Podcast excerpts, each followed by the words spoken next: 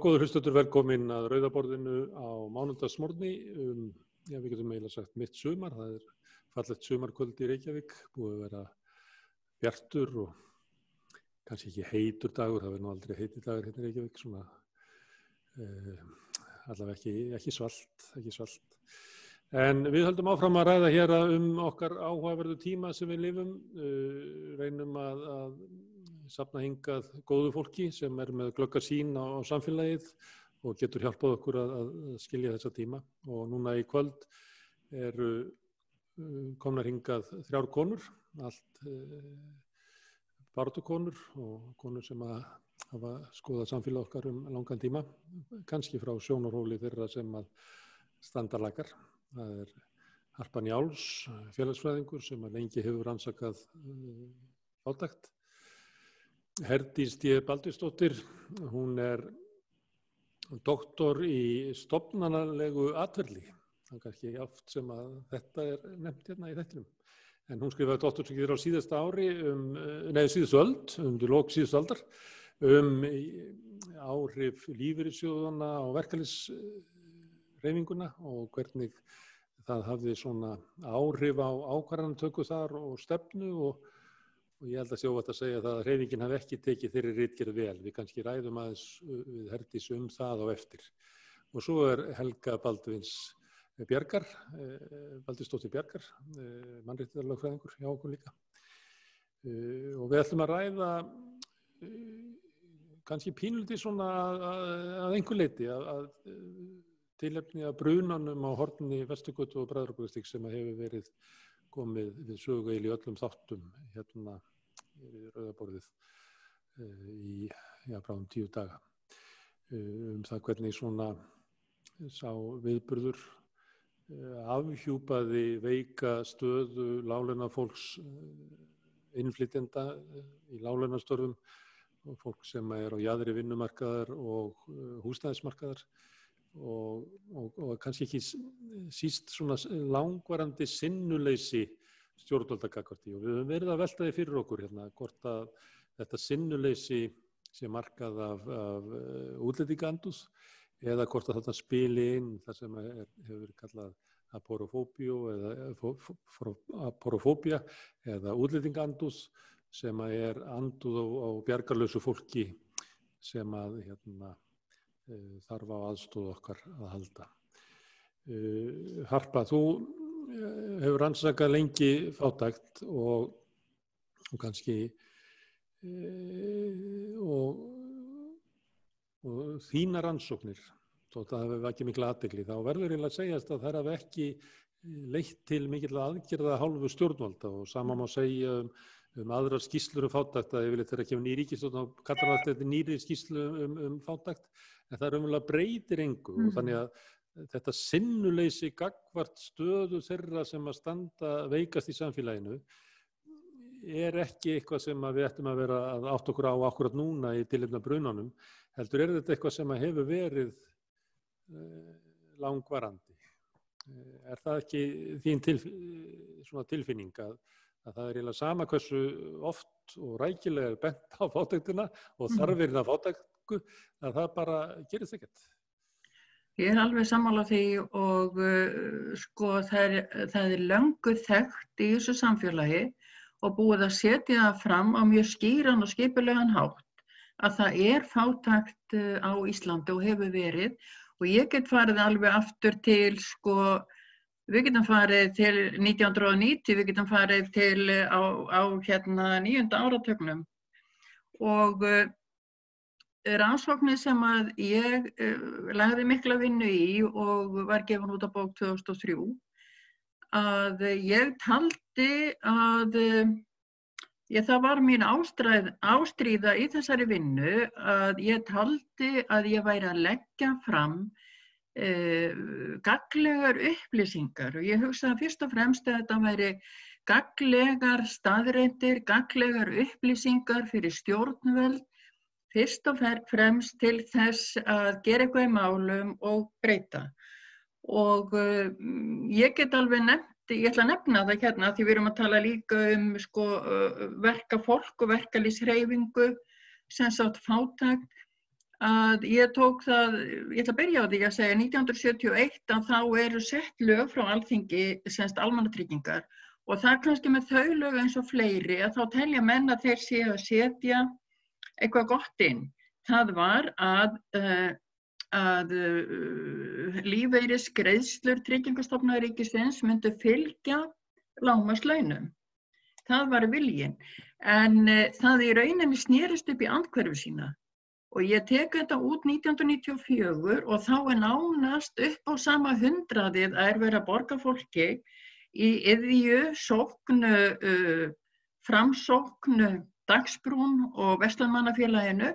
Það er nánast verið að borga sama legsta texta eins og hérna ör, örorku lífeyri og elli lífeyri Eh, í rauninni atvinnleysisbætunar þær tóku til hérna sjö, sjö ár hjá dags, sjö ára takstíða dagsbrún en þetta sem sagt þessi langi tími 25 ár að þarna búið ég segi að þetta sé rauninni grunnurinn að láleina stefnunni sem að var eh, ríkjandi og það sem sagt hefur sagt með fólk sem satt við samningaborðið að það hafi ekki getað hagg hækkað hérna bæði ríki og atvinnureikundum til þess að hækka launin meira vegna þess að þá myndi allt fylgja á eftir lífeyristegar og annað.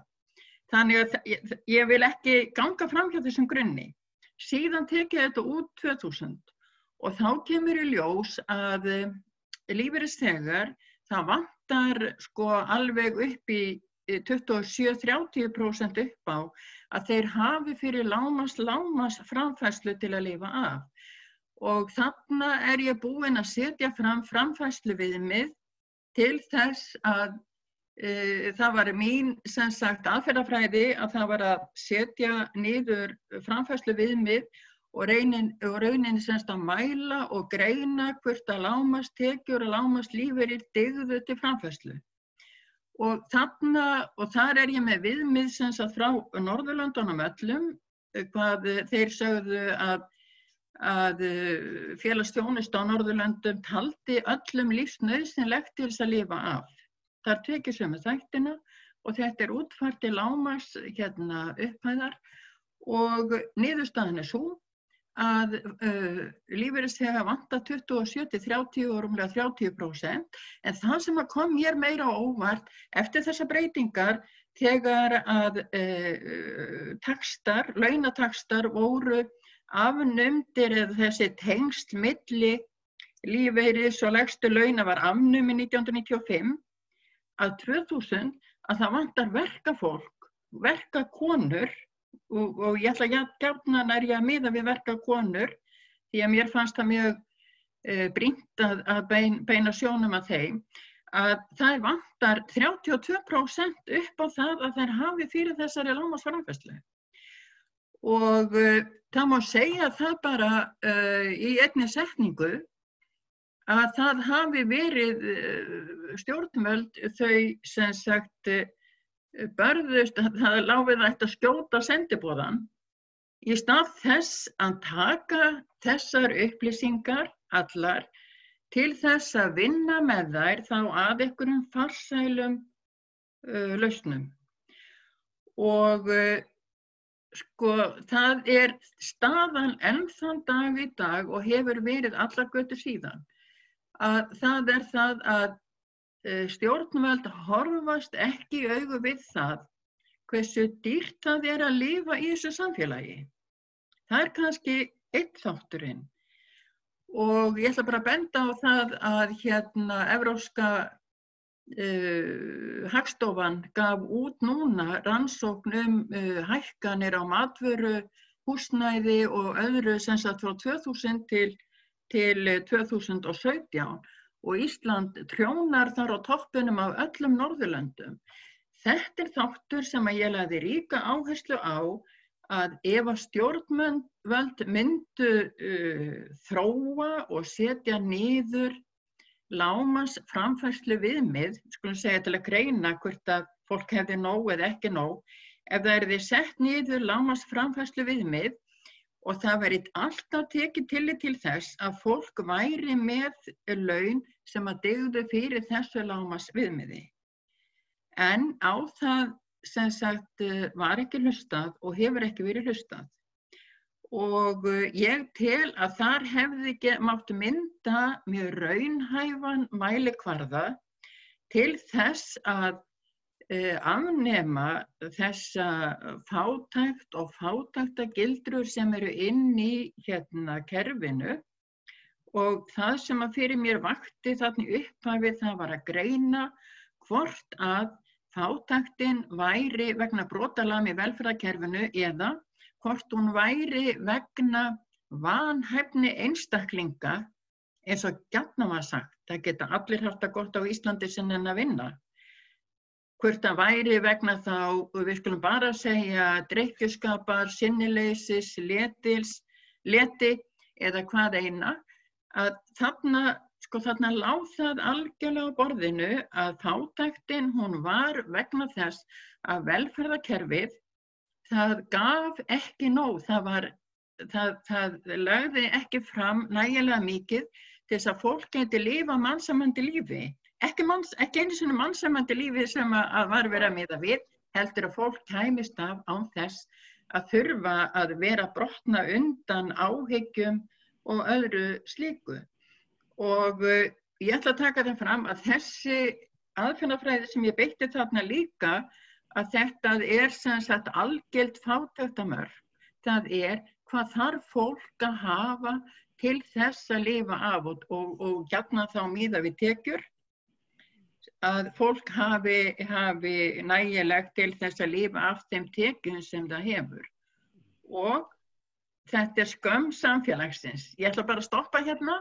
Já. Ég hérna vona þetta sé, gefi einhverja sína á þá aðferðarfræð og það sem að, að hvar ég byrjaði. Þú dregur þarna fram að, að fátaktinn er, er kerfislega, það er ekki, ekki sjálfskapavíti eða sem að fólk býr til sjálft heldur verið, fátæktin er það sem að fátækafólki verður fyrir.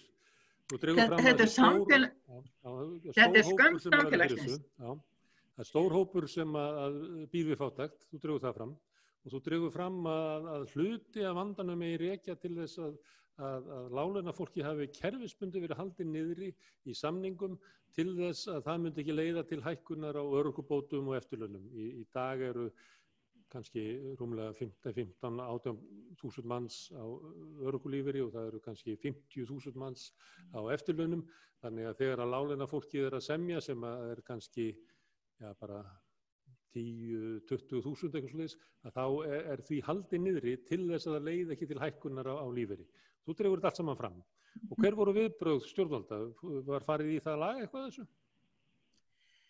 Sko, það, það urðu einhverja breytingar því að uh, það múi segja það að það kom líka til sem sagt á tíunda áratögnum að það voru mjög harðan skerðingur. Ég ætla að taka það fram að ég tel að það hafi verið ótrúlega hart gengið að öryrkjum. Mm. Alveg ótrúlega bara gegnum tíðina sem ég lít alveg til tíunda áratögarins það eru skerðingar svo harðar og misbyttingin svo mikil á þeim og svo tekur bara við eitthvað, eitthvað annað næst þegar búið er að laga það. Og uh, það sem að var tekið á, það var náttúrulega, ég ætla að nefna til dæmis eins og með barnafólk, að uh, barnabæturnar, sko barnabætur og vakstabætur, fleiri þættir húsnæði eiga og eru tæki ríkisvaldsins til þess að leiðrétta sagt, og jafna stöðu fólks. Barnabæturnar þar voru þannig hérna, 2000 og að sko, hjón og sambúðafólk það var aðeins 3,3% sem að fengu óskerta barnabætur og rúm 11% einstöðara fóreldra. Og ég fekk þjóðhástofnin til þess að gera útrekninga á því ef það er því hækkuð hérna, frítekjumörkin upp í lámans framfæslu viðmiðið hversu stór hópur þá myndi semst að fá óskertabarnabætur og það hækkaði úr rúmum 11% upp í 56 rúmlega prósent hjá einstæðum foreldrum.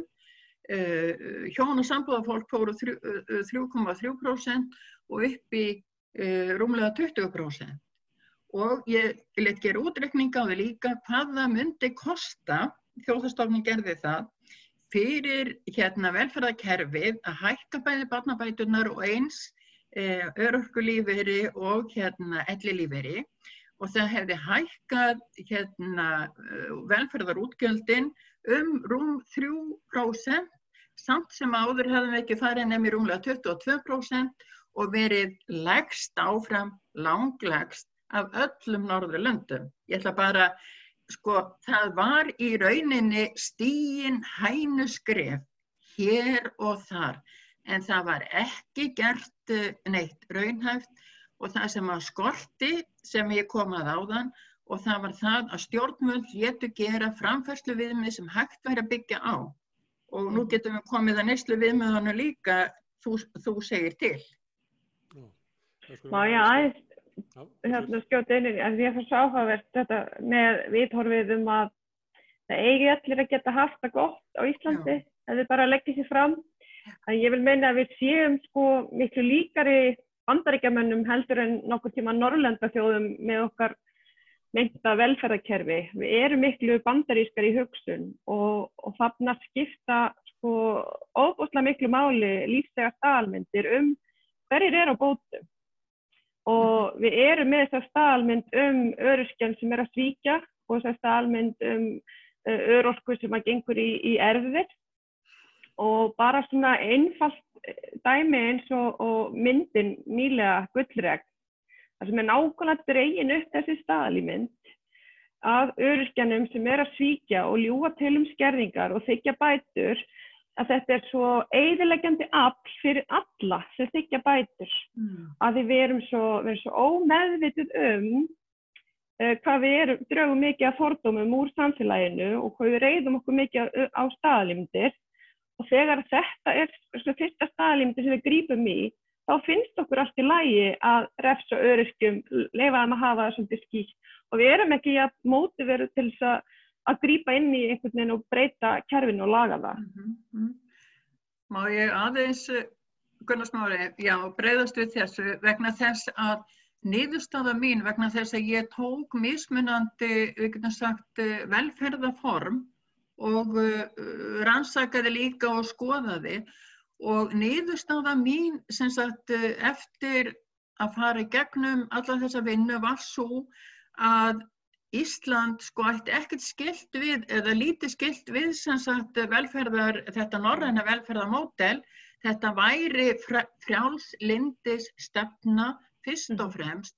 Og ég ætla að taka það fram að það kom fram líka hjá mér að þetta var ekki bara við getum sagt þeir sem verið lengst til hægri vegna þess að þetta virtist vera gangandi það bara spurning hverjir voru í stjórn hverju sinni og þá ætlum ég bara að nefna svoleiðis að til að fyrirbyggja að það hafi verið einhver áróður á hægri, hægri menn að 1900 hérna um aldamótin um 1990 til 1995 að þá er alþjóðflokkurinn, sósaldemokrater hér á landi með sjálfstæðismennum sem satt í stjórn og þeir endur skoða almannatryggingalögjöfina og koma inn sem sagt mjög hörðum skerðingum og öðru, ég ætla ekki að fara nánar út í það, en þetta er nákvæmlega það sem var niðurstaðan hjá mér og það er það að þetta er sem sagt frjálslindis stefna sem var hér ríkjandi og það er annað sem að er að, að það er stór hættulegt náttúrulega að vera með þessa staðal ímyndir eins og þú ert að segja og bara ráðast í rauninni gegn einum hópi vegna þess að við getum öll orði fyrir því og, og fjölskylda okkar líka að missa helsu mm -hmm. það er engin gull tryggður og að missa helsu það þýðir það að þú er komin sem sagt í fátækt í rauninni vegna þess að velferðarkerfið er svo illa í stakk búið til þess að styðja við þig og margir festast í fátækt vegna þess að þeir fá ekki rétt aðstóður réttum tíma. Mm -hmm. Og það að ala börn upp sem sagt í fátækt og enda lausu vonleysi að það er náttúrulega Eh, niður brjótandi bæði fyrir hérna fullorðnu og ég tala nú ekki um fyrir börnin líka. Herdís, hérna Harpa talar um hvernig e, þá var allir flokkar svona meir og minna á sömu braud. Þetta er svona dæmi um það þegar það verið að tala um nýfrálsíkjur, hann til er ekki sjálfstæðarflokknu frekar heldur er þetta tímabil sem að mótaði raunverulega afstöðu allra flokka og allra stofnanda samfélagsins og, og Helga dróð fram hvernig eh, sagt, afstæðan til öryrkja hefur bara litað hugmyndir okkar í samfélaginu, manngildis hugmyndir um, um þennan hóp. Eh, þú kannaður á sínum tíma eh, hérna, tengsl verkefliðsreyfingarinnar við atvinnureikuldur í sérstaklega í gegnum hérna, lífyrísjóðuna Eh, finnur eitthvað til svona skildleika um það að, að, að, með þessu, hvernig að það hefur dreyið fram í, í sko, þinni rannsókn, hvernig raunverulega verkefriðsreyfingin uh, dróst inn í eiginlega hugsunagang fyrirtækja og fjármásegenda? Já, alveg nákvæmlega, þetta er nú bara einn hliðin á þessu sama máli og, og Harpa var að tala um, það, það er ekkert öðru mm. Og, og er einmitt byrjar allt með þjóð, þjóðsáttarsamlingunum 1990 og, og eins og hún bendir réttilega á að allþjóðflokkurinn var þá í stjórn og, og, og þeir skera þessa samninga og allt á að vera svo voðalega fint og flott en það, staðrindir hafa nú bara sínt okkur svolítið mikið annað. Eins og við veitum það nú búið að vera að leika sig bara með þennan lífeyrir fólks voða mikið til þess að hjálpa hinnum á þessum stórum fyrirtækjum og kannski minni líka. En, en, en það sem gerðist verða það náttúrulega við, við þetta að, sjóð, að fólk satt eins og frá verkefniseifingunni báðum með borðið að var með mistrasti tvoður ekki þrjá hatta. Mm. Og, og það viðkjandi að ég vann að, að rannsók fyrir sókn og framsókn á árunum 80 og 7 til 90 og svo hafði ég sjálf unni fyrir ákveðin lífriðsjóð eh, með, með metaskóla og það var alltaf eitthvað sem var eitthvað svona eh, kittlaði mér í heilan. Væri, þetta væri ekki alveg í lægi og þannig eru bara lífriðsjóði tilkvæða nýbyrjaðir. Mm.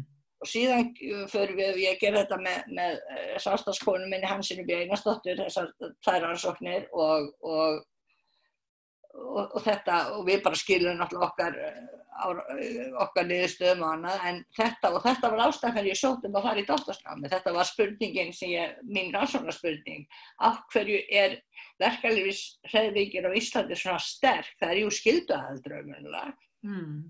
fjárhastlega og annað en hún er svo litlum árangri fyrir eh, sitt fólk mm.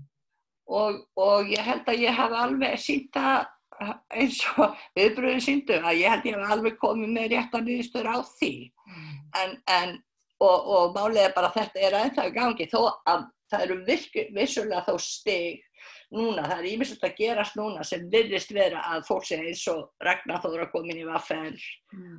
og kannski Solvi og Viðar í Elvingu, Eblingu en, en, en hérna uh, mér fannst þetta algjörlega sjokkerandi en, en það skonnum að svo, svo var ég bara drefinn alltaf niður, ég var bara hálsökvinni með einu bara tjú og það var hreint í háskólan hjá mér og þeir kvörtuði yfir því að leifa mér að skrifa ríkjum um Ísland í, í, í breskum skóla.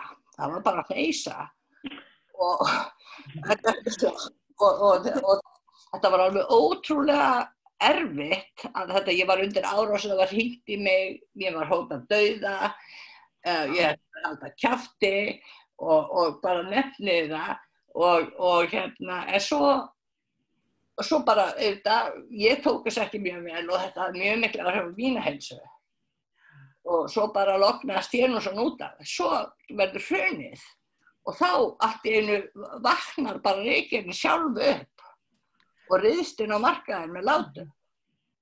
Og það var það því að það var fólk, ég hefði sett Ragnari Þórana og baði hann að lesa því ég hefði trú á þessum unga manni og hann las hana og en síðan var það var hagsmjöla samtök heimilan og okkur og fleiri og fleiri og fleiri og núna er ég endast að fá eitthvað semt um að það er fólk að nota nótum allan heim og vísa í.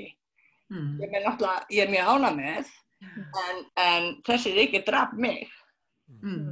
Minn frama algjörlega. Já, það var verkefnisreifingarna hérna reys eiginlega upp á afturlappirnar og réðst mjög harkalega á þig. það er grein sem að var haldið fram að þú væri doktor í miskilningi ef ég var rétt. Jú, jú. Svona... Ég hef sjálfsagt verið það frá þeirra sem þú haldið sér. En hérna, Harpa vildi ekki gera ómikið úr því þegar ég var að spurja hann um, um sambarlegt með viðbröðu við hennar ansóknum en ég man eftir þau voru frekar harkaleg. Manst þú eftir þeim, Herdís, hvernig var talað um niðurstuður hörpu? Já, ég man vel eftir þeim og, og mér fannst það mjög, mjög aðtæklusvært því að alltaf þegar við komum að þessum punkti sem verðist vera svolítið veikupunktur á Íslandi og er veikupunktur, svo sem í fleiri samfélagum líka, að þá er ráðist á bóðberðan. Mm -hmm. mm -hmm. og, og, og, og hérna, en ekki þá sem standa fyrir þessu, ekki þá sem taka ákvarðunar. Ef þú vogar að benda á eitthvað sem rátt fyrir í samfélaginu, mm -hmm. þá, þá ertu bara, já bara, já, ég ætla ekki að taka Joss Floyd í þetta en, en, en, en, en veist, maður er bara tekinn og crossfestin. Mm -hmm. Og það, það er ofs svona sorglegt þess að heldur maður áfram að ströklast áfram mm -hmm. en maður missir líka kærkinn svolítið. Ég gerði það allavega, ég missir mm -hmm. kærkinn en en ég veit það ekki, en, en, en allavega ég er alveg klára því að þegar það er svona hörðiðbröð það er að því að bara að segja satt. Mm. Algjörlega. Má ég aðeins kannski bregðast við því sem að, að hérna Herdi sagði, eða þú líka, að auðvitað var uh, mjög hark, ég fekk mjög harkaleg viðbröð við þessu og ég var í rauninni búin að sko átta mig á því í tíma að uh, þetta væri sem sagt mjög viðkvæmt eða mjög eldfimt efni mm. og innmitt þess vegna að þá gekk ég svo algjörlega úr skugga um að allir útreikningar, allt sem ég var að gera og allt sem ég sagði að það stæðist Sko, ég er hjartengt manniska sem satt í raun og, og hérna og ég gekk algjörlega skuggum þetta og ég ætla bara að nefna til dæmis, það, ekki, það var ekki bara þeir til hægri sem sagt, það var, það var ekki bara ríkistjórn, það var ekki bara Davíð Oddsson sem að spurði hvort ég væri yfir höfu til, sko. Því að það var alveg á sama hátt sem sagt að e, ég skrifaði líka um félagstjónustuna og gaggrýndi sem sagt breytinga sem voru gerða 1996 og sko það var haldinn bladamannafundur sem sagt til þess að reyna að rakka mig nýður ah. ég, ég var með í höndunum ég var búin að fá félagsmála stjóra til þess að lesa allan kaplan yfir og allt sem í honum stóð. Og sérfræðingur eh, sem sagt Lári Björnsdóttir var líka búin að lesa þetta yfir. Og það stóðst allt, eh, sko ég fikk enga aðtöðasemt, ekki nokkra. Þannig að það, það, það var, var ólíklegast af fólk sem kom þarna fram. Og ég ætla nú líka að nefna það vegna þess að kannski eh, sko mesta framlægið í þessu verki það var að eitt þriðji af sagt uh, þessum 400 blassiðum Það var viðtal, viðtöl við fólk sem hafði lifað í fátakt í tvö ár sagt, eða meir og það var sett alveg skýr sagt, skilgreining. Þetta var fólk sem ekki var í óreglu til dæmi sem hafði leitað aðstóðar hjá foreldrum eða hjálpastarfi og svo framvegis. Þannig að, að það var alveg skýrt. En, en, en sko, þessi viðtöl þau höfðu ekki rött hinn að fátöku hafði ekki heyrst svo mikið mm -hmm. fram til þessa. Og svo öðru lagi það var framfæslu viðmiðið það, og það var þessi nálgun sem satt með þessum algjöldu fátöktamörkum hvort að fólk hefði nóg eða ekki nóg. Og síðan sagði ég einhver staðar að það, sko, þeir eru búið að sína fram á það þessi stóru hópar hefðu ekki nægilega mikið til þess að lifa af og þá sem sagt ekki síst öryrkjar og láleina fólki líka að þá semst að sett ég fram líka að það mætti sko áætla það að sko afstæð skilgreining á fátækt og það er í rauninni þá verið að mæla út frá tekjum væri 7-10% og það fór nú ekki lítið í taugarnar á sömum og ég ætla bara, eh, já, best ég ætla ekki að nefna neitt á þessari stundu, en þá kom það var vittna meira að segja í evrósku hérna, rannsóknina um, um fátækt. Og sagt sko að á Norðurlöndonu sko, nei þeir voru konið með nýri 4,5% en það stendur og ennáttúrulega til í skýslunni hérna bæði hér á land og ellendis að fátat á Íslandi 2003, það er árið sem bókinn kom út, var 10% og þar miða við sem sagt hérna tekið 60% að mikildi tekna. Já.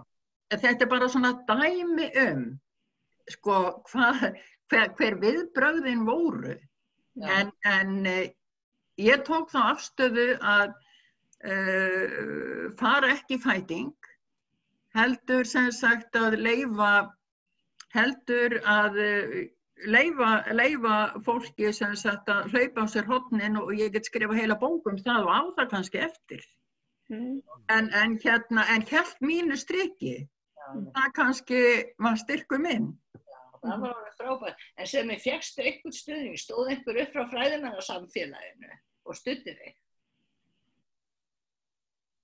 Ég held að fátækt á Íslandi hafi heldur ekki átt upp á pallborði hjá fræðimannarsamfélaginu. Það er og með mig, sko, það stóð enginu upp. Já, ég segi það, sko, það, var, það voru einstaklingur og það var fólk, sko, sem að gerði það, en ég hef ekki séð það. Nú eru 20 ár síðan að, nær, síðan að þessi, eh, eh, sem sagt, eh, já, þessi, þessi mikla rannsókn var gerð, sko það hefur enginn lagt sig í líma við það sem sagt að rannsaka fátækt á Íslandi. Við getum bara sagt að fræðarsamfélagið hefur ekki hérna gert mikið út á það en það vita er það að það er, þetta er ekki vinsælt hérna mm rannsaknar efni. Mm -hmm. Þó það sé bráð nöðsynlegt, ég ætla að taka það. Bráð nöðsynlegt, þetta er bara, einhver saði mér, einhver saði mér að ég hefði köllu lengi verið upp í háskóla ASI skjálfurinn Já. Og mér fannst það nú svolítið skondi en engið þeirra stóð ofinbörlu til eitthvað að verja með styðja mig bara styðja mig. En ég finnst það líka lýsa samfélagin okkar ansi vel. Veist, við erum rosalega sætt við að koma fram með réttmæta gaggrinni og ég finna hjá kollegum mínum maður er pínu skrítin sem lögmaður en maður tekur afstöðu og sérstaklega afstöðu með já þessu fólki að því við erum svo vön uh, vunni að klappa og strjúka valdinu og ekki rauka mm. bátnum. Einmitt, einmitt. Og, og það vill enginn heyra, veist, við erum líka svo vönu sem þjóðurrempingi, Ísland best í heimi, við erum svo gott velfæraríki, við erum svo langt komin í jafnbrytti, en ef maður fyrir svona bánk í þetta og segja, já, já jafnbrytti kynjana, gagvart sko hvítum, gagginum, óföllum, forriðndakonum, þá erum við mm. komið mjög langt, en það er alveg hrúa af öðrum konum sem við hefum bara svolítið skilið eftir. Já, já. Þetta, þetta er ekki vinsæl skoðun en þetta er eitthvað sem við verðum að horfa stögu við og að slápir á. Já, já. Ég, ég ætla, má ég bæta því við þarna að, að sko það sem að ég las út úr viðbröðunum og samfélaginu og það var í rauninni sko hversu mikill vannþroskin væri mm. miða við bara, við skulum segja Norðurlöndin því að nú hef ég verið tölvöld mikið á Norðurlöndu bæði Nóri og Finnlandi og það var kannski fyrst og fremst finnst mér það sem að ég hérna var með í höndunum og það var það hversu takmarkað eh, hérna hversu stutt á veg komið samfélagið okkar, okkar er að það var ekki hægt að taka þessu sagt, eins og ætla var til þess að vinna með það áfram. Mm. Þetta var farið í svo gífulega vörn í rauninni mm. að, og, sagt, og þá næst að, að, að hérna, ráðast á sendibóðan eins og ég sagði á það þó þetta sé nú kannski, ég sem búin að segja ímislegt fleira sagt, til þess að skýra það. Já, ég held líka að á Íslandi mér finnst það svolítið oft sko að segja að, heyrðu, eins og ég er búin að búa helendist núna í næri 30 ár. Fyrst og rest að því ég fekk ekki vinna á Íslandi. En en það er alltaf svona hvað er þú? Ég meina þú byrði ekkert hérna. Það er að skipta þér í lafissu sko. Mm. ó, já. Einmitt, já. Það er bara svolítið þannig því miður. Já. og það er viss vandróski í því sko að bara Ísland er best. Við höfum og við bara, skulum bara halda okkur við það. Mm. Mér langar líka til að getum gert nef betur. nefna það að því að lögfræðingu hérna kasta bolta til þín, lögfræð, e, að þú, þú ert lögfræðingur og það er það að ég hef líka eh, sko mjög hort til þessa ástands eða stöðunar sem sagt hér á landi og með, við getum sagt á aðra hliðina og hina sem sagt að íslenska við getum sagt stjórnvöld hafa í rauninni samþygt og löggilt fjölda mannréttinda samninga og sáttmála. Og ég sem sagt hef tengt þetta saman og ég vil ekki ganga fram hjá því að það er bæði mannréttinda yfirlýsingin sem sagt að það er barnasáttmálin og það eru margir sáttmálar þarna á milli sem Ísland hefur sem sagt eh, sem að segja til um það að land Ísland er að undikasta sér því og taka sér það skildur og herðar að það eigi að bregðast við og það eigi sem sagt að aðstóða alla þá sem vegna heilsubrest, atvinnuleysi, sem sagt elli eða sjúkdóma eða hvað það nú er og sem sagt á börnin að það, það sem sagt stjórnvöld hafa undikasta sér því að að í rauninni sjá til þess að fólk eigi fulla aðild bæða almannatryggingum og framfæslu sem að dýr fólki og börnum til þess að lifa, þroskast og, og hvaðina og hvernig hafa stjórnveld staðið sig? Hvernig hafa þau staðið sig? Og nú ætlum ég bara að vísa líka til eh, núverandi félags- og barnamálar á þeirra sem að ég tel að sé að vilja gerður en hvernig var brugðist við núna sem sagt í, í þessum COVID faraldri? Það er vitað að það eru þúsundi barna sem að búa við fátækt. En var byrjað þá á því að reyna að styrkja sem sagt grunninn í örorku lífeyrir og styrkja grunn öryrkja þá atvinnulausla til þess að hafa mannsæmandi sagt lífsviður væri hækka í rauninni lífeyrin nei, nei, það var farið í það að fara með fulla lúku sagt til þess að setja hjálpastofnanir sem er í rauninni sagt aðeins að veita ölmusu Já. Ég ætla Já. bara, ég ætla að Nei, kasta þetta eftir er bara algjörlega rétt mat og, og ég upplifa þetta rosa stert. Vi, við, við, við álítum okkur svona Ísland besti heimi, framalega í mannréttindum og svo fylgir ekki alveg gjörðurnar Já, og það fylgir ekki alveg meðvitundin. Við erum ennþá óbúslega forréttinda miða samfélag þar sem að, að öll kerfin okkar, valdakerfin okkar, stjórnkerfin, réttakerfið eru rosalega forréttinda miðu. Miða út frá hvítum, miðaldra gagginum, oföllum kallmönnum og sem eiga peninga. mhm, skilur. Og, og mér finnst hérna, við erum rosalega ómeðvit um að þegar við byggjum upp þannig samfélag að þá mjög oft óvart, óavitandi að þá erum við útskúfa, við erum að færa fólk á jaðarinn lengra og Mm. lengra og við áttum okkur ekki á því. Það, það er ekki þessi meðvitum til þess að- horfast í augu við að við erum að skapa það. Sko, við erum mjög ríkt land af náttúruöðlindum mm, mjög ríkt, hér á enginn að þurfa að búa við fátækt. Þetta er ákverðun og hún er einhvern veginn réttlætt út frá þessari hugmyndafræði. Ef þú ert bara nóg duglegur þá átt ekki að þurfa að vera í fátækt. Þráttur við höfum allar rannsóknir sem sína að það er ekki þannig.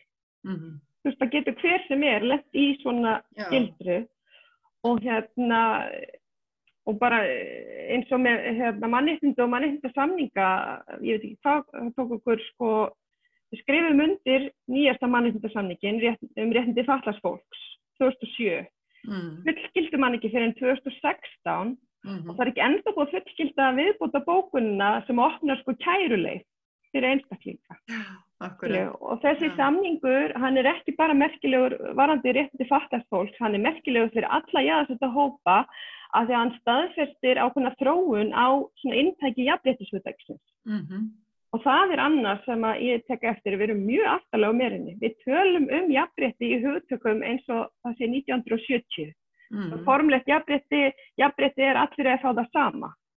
mhm, Eh, svona algjörlega er, og, í svona algjörlega jafnréttislögfræði að þá erum við komið miklu lengra og þessi samningur staðfesti það. Jafnrétti er það að hérna, þú veitir fólki viðjandi aðlugun. Þú mætir fólki með það sem það þarf til þess að geti staði jafnfættis öðru. Það þýðir, við erum að bregðast við þegar fólki með alls konar skerðingar og sjúkdóma, mm -hmm. þarfir, það, þá er það hluti af jafnbrytti að við mætum því. En við, við erum alltaf bara í norminu og mainstreamnum og allt með er út frá því og svo bara auðmingja þú ef þú þarft einhvern veginn öðruvísi þjónustu eða meiri þjónustu. Mm. Og það er akkurat þetta, það er akkurat þetta við og líka, og svo er rópað, það er, að, það er, hérna, það er svo margir öryrkjar í þessu samfélagi og aukningin er svo mikil, en kerfislægum uh, hérna, aðferðum og, og, og, og viðbregðum stjórnvalda, að þá er verið að berja fólk til helsu leysi. Það er í rauninni, það er í rauninni það sem að árangurinn má segja, eða af, við skulum segja afleiðingarnar, mhm. afleiðingarnar af því hvernig sko þessu sinnuleysi, þessu getuleysi stjórnvalda og þessari þöggun sem að mhm. hefur verið í ára raði reynd sem sagt að takka nýður sem sagt að þetta sé þá eðlilegt eh, hlutverk stjórnvalda. Mm -hmm. að það er í raunin að kerfislegan hátt sem sagt er verið að koma þannig fram við fólk Mm. Það, það er endalust í baráttu, það gengur mm. endalust á veggi. Það, mhm. hefur, það er endalust í kreppu hvernig það eigi að lifa af út mánuðin sko, og ekkert get, tekur eins næri sér eins og það get ekki sint börnunum sínum og veit mhm. þeim. -hmm. Sko, þetta leiðir beint til heilsuleysis og þetta er, sko, kemur fram í rannsókninni minni sem að, að, var gefin út þarna 2003. Þetta er mhm. ekki og þetta er, og þetta er líka kynja af því að við erum líka, við erum að tala við erum að nýðast á konum ennþá, endalög það er í lálunastörfunum, umönunastörfunum sem samkvæmt verðmætamati ætti að vera hættlaunustu störfin. Akkurat eh, eh, hérna, Við erum að, að jaska þeim út og svo er þeir með alltaf auka ábyrjina aðra vektina, þriði vektina að hérna, sjá um heimil og börnin og veika ættingi á allt þetta. Og auðvitað brenna þær út langt fyrir aldur fram af Já. því að við setjum svo mikið, við ætlum til svo mikið af þeim.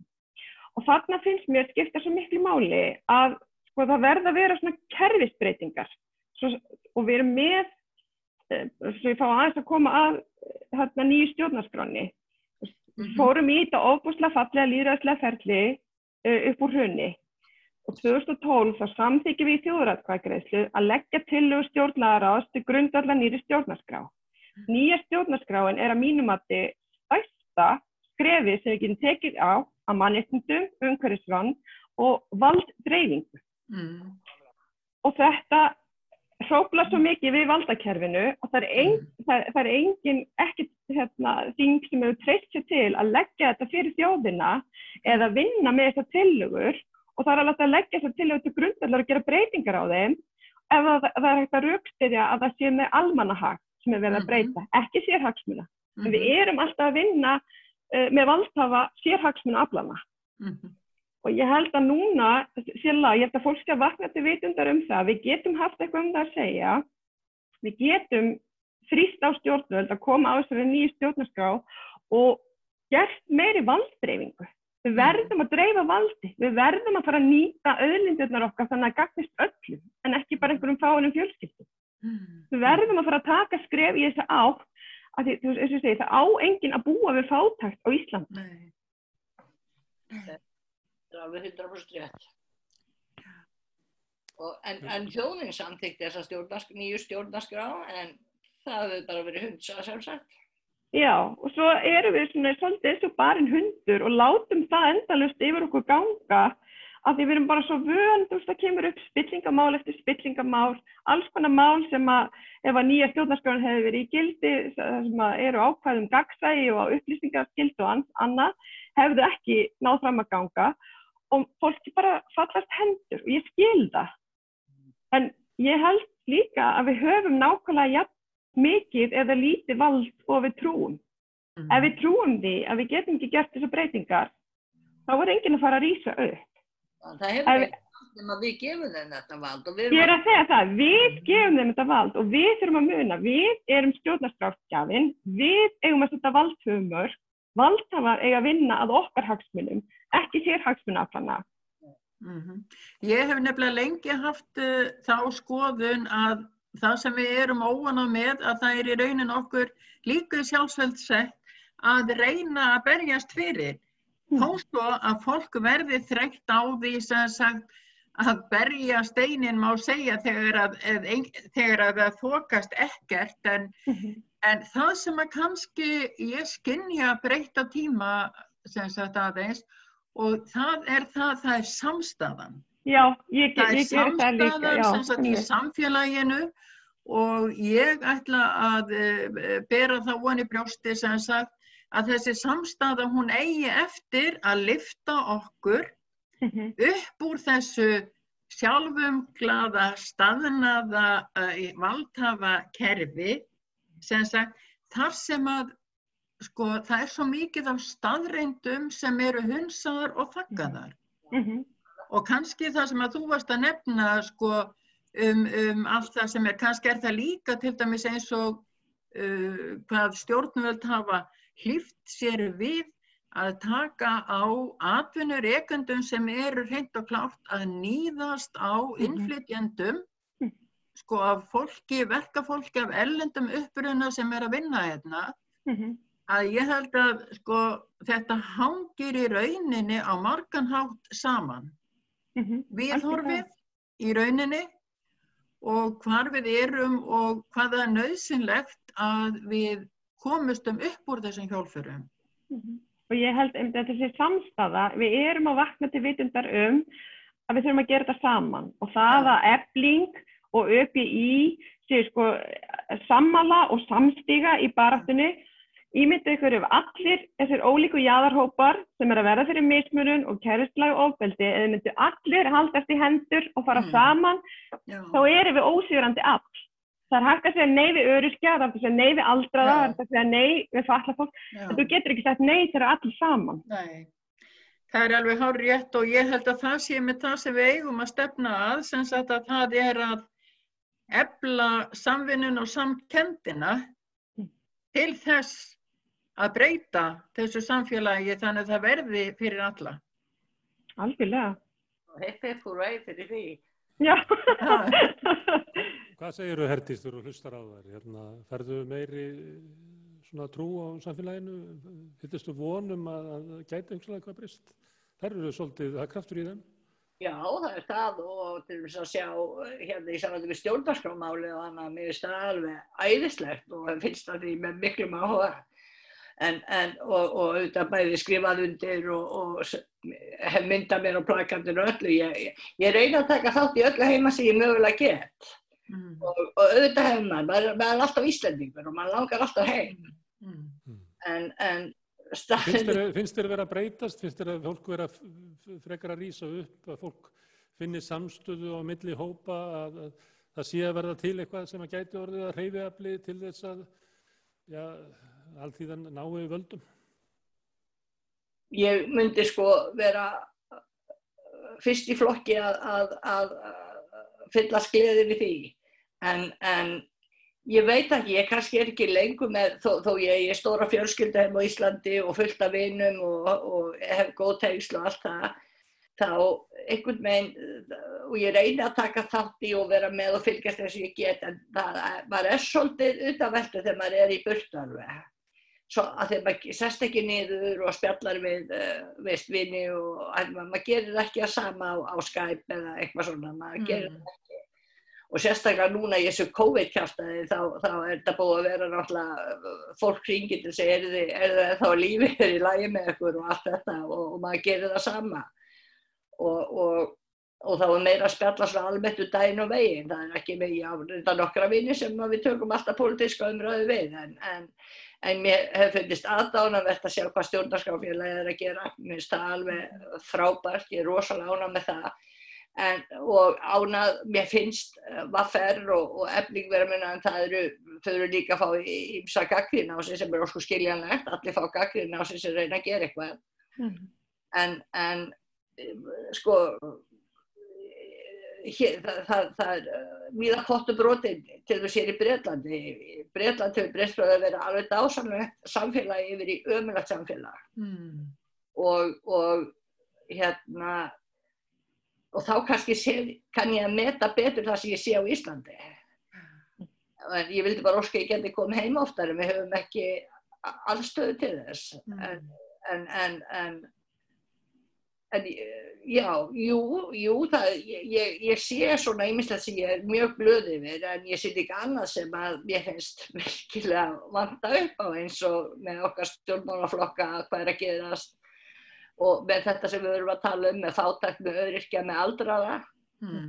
að, að, að allt þetta fólkskjölu þurfa meir og minna að lifa bara í, í jáðarhópum og, og, og ég tala um þetta bara reynslu hérna, maður er minni kona á, á elli lífeyrir og, og hann fær eitthvað smá hér, eh, já, það er eitthvað 60.000 og séðan fær hann 200.000 samiðlega samt þegar það dreyir af honum 500.000 á, á ári af því að hann 100, um 100.000 úr, úr lífriðsögur ríkistarsmanna og 100.000 úr uh, tryggingastofnu. Þannig að hann fær 200.000 frá Íslandi og 60.000 hér. Þannig að við lifum á 260.000. Það er mikið ótir að lifa hér en á Íslandi mm. en það breytir því ekki að ég menna við, við gerum eitthvað stóra rósir. Og, og, og bara það til þess lestaferðir og allt þetta, það er alltaf rjúku upp hérna. Og hvernig haldur þetta vel svo þegar Brexit, mm. það verður farið á nefa mm. út Brexit í loka ásins með enga samninga. Eh, það mun allt rjúku upp, við fáum einhvern eh, kjúkling frá Ameríku sem er fein upp úr klóraformi og, og svona sko ég er með miklar áhengjur á Breitlandi og mínu barnaböndum hér, ég er með þrjú barnabönd hérna og tvo síni og, og ég er með áhengjur og þeir eru með miklar áhengjur að því líka en þeir eiga náttúrulega sína fjölskyldur hér, þeir munu verða hér. Ég og Sveitin hefur kannski meira valum að hugsa um að fara eitthvað en þá þurfum við líka að hafa efnaði. Mm. Og, og hérna ég reyni að taka mér ykkur svona verkefni en, en, en þegar ég ég fæði mm. en, en ég hef alltaf til að elska að vera í Brennlandi en ég hef ekki gert það síðast líka fjögur ár mm. og, og þessi fósetti sem fósetti sem á þeirra hann er náttúrulega sko, hann, hann, hann slagar í Trump mm. Helga, hérna Herdís og Harpa eru hetjur, þetta eru sendubóða sem að bendu, mm -hmm. bendu á upplýsingar um, um fátækt og já, um svona kerfisbundna spillingu sem að, að eiðileggur baróttu tæki verkefliðsins mm -hmm. tengst við, við auðvöldið. Á sín tíma upplýsingar sem að enginn hefast um í dag að, að, að þær voru réttum megin við sannleikan en, en aflið sem að reysa upp á mótu þeim og reyndi að sláðar kaldar að það vildi þakka þetta niður. Við höfum mm -hmm. verið að tala svona velta fyrir okkur breytingum í samfélaginu. E er þetta ennþá svona, er það ennþá svona að, að þegar það valdir ís upp og sínir klærnar að, að þá fólki sem ætti kannski að standa upp og, og, og verja þá sem er verið að ráðast á að fólk veigra sig við því að óta við að kannski fæ ég hverki vinnu og kannski mm -hmm. verðum við bara bóla út sem er bara raunveruleiki, þetta er aðferð sem mm -hmm. er beitt. Erum við, erum við einhver leiti betur sett að þessu leiti? Erum við sterkara í sem samfélag? Er, er möguleiki á því að, að þeir sem eru að heia baráttuna svona neðanfrá að, að, að þeir fái stuðning?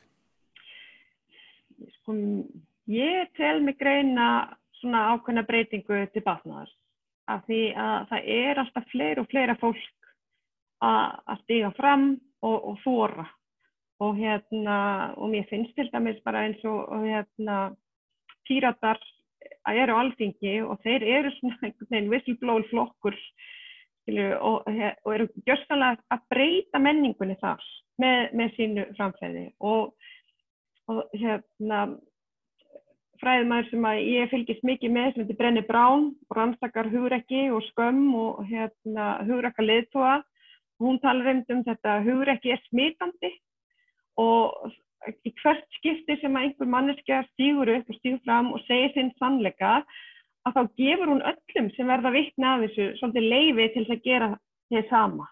Mm. Og ég held að við séum að stýga inn í öll núna eh, svona, já, tímabil þar sem að miklu, miklu fleiri er að vakna til vitundar. Unga fólki okkar þar átta sig á því að ef það verður ekki gripið í taumana þá á þessi ekki framtíð. Þannig að það er að þóra að stíga upp og, og tala gegn valdinu sem að ég sé ekki fyrir mér að hefði verið gert þegar ég var ung til dæmis. Þannig að ég, já, ég er mjög bjart til mannski aðeinsfari en ég líka mig, ég tel mig greina þessar breytingar. Að, hérna, það er auðveldar að stíga fram og fólk finnur það í krafti fjöldar þegar að svona margir stíga fram og tala gegn misskiptingu og óréttlæti að þá verður það auðveldara og það verður erfiðar að horfa fram hjá því eða alltaf fara í svona persóna ára á skakvartingum einu. Þegar ég var yngri þá fyrir ég að hugsa aftur hvernig ég var þegar ég var yngri. Mér finnst að fólk hafi sko rifið meiri kjátt þegar ég var yngri. Bæði kakvar stjórnvöldum og verkstjórnum. Ég er að segja Já. þetta því að til þess í Sovjetríkjónum sko, Östur-Európu, þá segja menn hérna áður að þá mátti ég rýfast verkstjóran en ekki stjórnvöld. En núna má ég rýfast í stjórnvöld en ekki verkstjóran uh, Nýfjölskun í Íslandi hefur svolítið leitt til okkur þess að við megum eiginlega að rýfast í korút sko. við hefum ekki raska valdinu Já. og verðum að, að bara bukt okkur fyrir verkstjóran ég, þegar ég var yngri svona var að komast í vits og ára eins og sagt er á 8. áratugum þá fannst mér vera þokkalegt svigrum að bara rýfa kæft miklu meiri en núna sko Mér, mér fannst eitt mjög jágótt og það var að fræðimenn og samfélag skildi standa upp og sína samstöðu með Þorvaldur Gilvarsson. Já, einmitt. Það fannst mér alveg æðislegt. Þetta hefði ég viljað sá fyrir hörpu, fyrir mig, fyrir fleiri. Mm. Og kannski er það fyrsta skrifið að þið byrja þó að gera það. Kannski, kannski er Þorvaldur meira inni í hérna. Hann er það náttúrulega. Starfsmáður alþjóð og gjaldriðsjósins við á um heim, hann er kannski bara nær elitunni, þið eru meiri svona jæðarkonur að berja fyrir hagsmunum jæðarfólks? Jú, jú. Ég myndi halda það. Já, já, já, það getur meira vel verið sko, það stefnir náttúrulega ekki upp fyrir einhverju kettlingu sem að er að bladra eitthvað. Já, við erum konur, þú voru aðtöða það konur, sem sagt að, að hérna... Skiptir máli, sko. Já, það skiptir miklu máli, skiptir miklu máli. Já. Já. Já, eru, en vonandi erum við að fara inn í betri tíma en ekki verði. Við verðum að trúa því sjálfar að við séum að fara inn í betri tíma, við verðum að trúa því sjálfar til að fá aðra til að trúa því með okkur. Það er það. Er það ekki, er það ekki hérna í rauninni? Það er mottoið. Það skiptir máli. Jú, það er Já, ég, ég finnst ég verið að greina alls konar svona jákvæða breytingar og ég man bara hérna það var stofnað feminstafélag lagadeildar háskóla Íslands. Bara, það var bara síðast að við í falli, nei, sko, ég upplýði svo, svo vakalega mikla björnsinni bara við það. Þetta er óbúslega íhaldsum stofnun, óbúslega íhaldsum námsgrein, óbúslega ógaggrínin á sína svæðilegu fórsendur og undirstöður að heyra þessu komið feminstafélag, sko, það bara fyllir mig svona einhverjum eldmóð og björnsinni. Okay. Það er frábært. Kanski kemur félagi fátakra lögfræðinga og fer að berjast fyrir stöðu hinn að verðsetti í samfélaginu. Mm. Það getur gert. Herðu, ég hef búin mjög ávert að ræða við ykkur og sérstakur heiður að, að fá ykkur hérna, miklar barátokonur, eh, Harpa Njáls og Herdís D. Baldursdóttir og Hel, Helga Baldursdóttir Bjarkar. Eh, Ég þurfti nú lítið að gera hérna eins og þið tókuð eftir að þið bara tókuðu samtalið og, og fóru með það sem að þið vildið og það, þannig á það að vera. Ég, hérna, er mjög skemmtilegt. Mjög skemmtilegt ferðalag sem að, að ég fekk að fara í og, og hlustutur með. Uh, ég þakka hlustutur fyrir að, að ljá okkur eira og ég bendi á að á morgun á sama tíma klukkan átta að þá verður annar þáttur við rauðaborðið, þá kemur hingað annað fólk og við munum halda áfram að reyna átt okkur á þessum áhugaveru tímum sem við lifum og hvernig samfélag okkar er samansett. En takk fyrir í kvöld. Takk fyrir. Gaman að kynast ykkur öllum.